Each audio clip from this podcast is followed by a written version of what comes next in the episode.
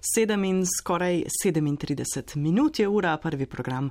Poslušate, koliko pozornosti namenjate izbiri hrane in vplivu te vaše odločitve na okolje. Ste se pripravljeni odreči rdečemu mesu? Ali država naredi dovolj za promocijo trajnostne hrane? To je le nekaj vprašanj, ki so jih številne nacionalne potrošniške organizacije, med njimi tudi naša Zveza potrošnikov, postavile evropejcem v raziskavi, ki jo je pripravila krovna Evropska potrošniška organizacija. Skupni rezultati potrjujejo, da je večina potrošnikov po Evropi pripravljena spremeniti svoje prehranjevalne navade, za dosego tega cilja pa potrebujejo ustrezno izbiro in lažjo dostopnost do trajnostne hrane. Podrobneje pa zdaj Jure Čepin.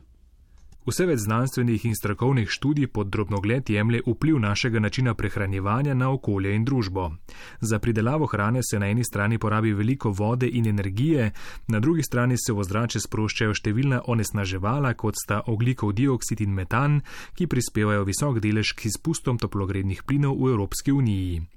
Glede na izračune organizacije Global Footprint Network iz leta 2016 bi za slovenske ozorce proizvodnje in porabe potrebovali 3,14 krat več prostora in zemljskih obnovljivih virov, kot jih imamo na voljo.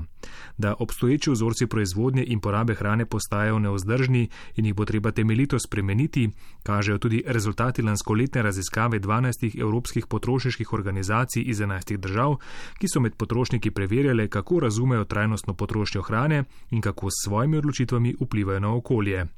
Razveseljiv je podatek, da več kot 70 odstotkov anketirancev pri izbiri hrane namenja vsaj nekaj ali veliko pozornosti vplivu na okolje, pravi Marjana Peterman z Zveze potrošnikov Slovenije. Ampak potem, ko pa pogledamo, recimo, ko primerjamo od naših eh, bivalnega okolja ali pa uh, vožnja z avtomobilom, pa potrošniki smatrajo, da ima hrana manjši vpliv na okolje, kar pa absolutno ni res. Največji vpliv na okolje ima pridelava, predelava in naš izbor živil za naše prehranjevanje. Govorimo o hrani in vodi, ne? tako da tisto, kar kupimo, tako da je zelo pomembno, ne? ali pijemo vodo iz pipe ali jo ne, ker bo imelo, imelo drugačen vpliv, večji vpliv. Pojem trajnostna prehrana so anketiranci, med njimi bilo tudi več kot tisoč slovenskih potrošnikov, največkrat povezali z lokalno predelano hrano, z majhnim vplivom na okolje in z omejevanjem uporabe pesticidov in gensko spremenjenih organizmov. Četrtina anketirancev meni, da v trajnostno prehranjevanje sodijo minimalno predelana in tradicionalna živila, dobra petina pa, da gre za hrano, ki je zdrava. Potrošniki torej prepoznajo prednosti trajnostne prehrane, a kaj jih ovira, da po takšni hrani ne posegajo pogosteje?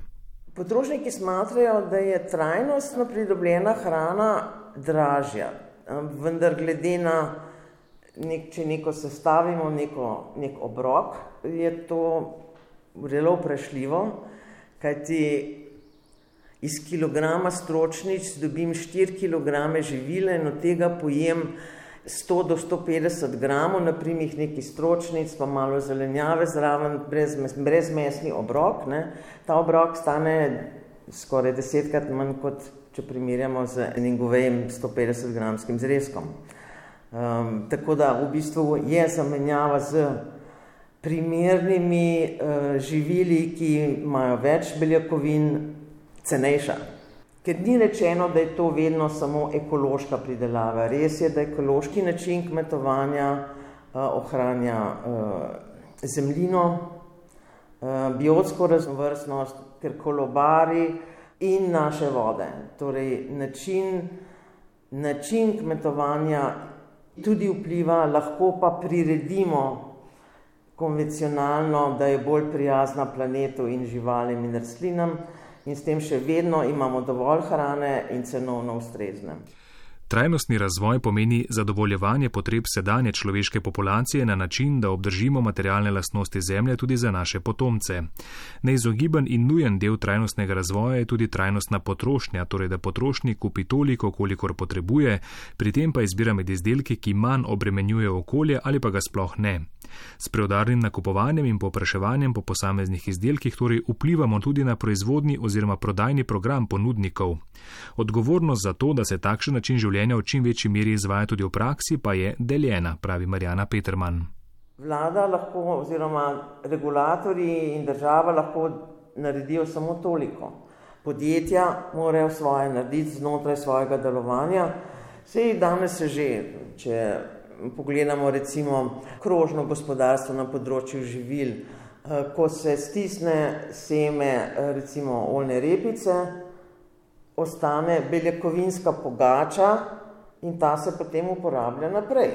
Torej ne ostane nič. Enako, če vprašate nekega olkarja, ko se njegovo olje hladno stisne, ostane še veliko organskega materijala, ki ga lahko uporabi farmacevtska industrija, ki ga lahko uporabi naprej tudi morda ali pa za živalsko prehrano kot dodatek ali pa celo kot gnojilo. To so dodatno, kar lahko spet uporabljamo. Omejiti eh, vlade lahko, naprimer, eh, človek absolutno ne potrebuje dodatnega sladkorja. Police in police plastike, vode in sladkorja v trgovinah. V bistvu za življenje ne potrebujemo sladkorja. Torej, če bo planet tako opustošen, ne, takega izbora živil bodoče generacije ne bodo mogli imeti. In je treba že danes razmisliti, kako lahko to omejimo. Veliko lahko naredimo že s tem, da načrtujemo nakupe, ne kupujemo preveč in da se pozanimamo o pravilnem načinu shranjevanja, še dodaja Marjana Peterman. Raziskavo so izvedli le nekaj mesecev pred izbruhom pandemije, ki je dodatno spremenila odnos do hrane. Lahko bi torej rekli, da so danes potrošniki še bolj naklonjeni trajnostni izbiri, kar bi morali zakonodajalci izkoristiti za oblikovanje trajnostnega prehranskega sistema. Veste, kaj jeste?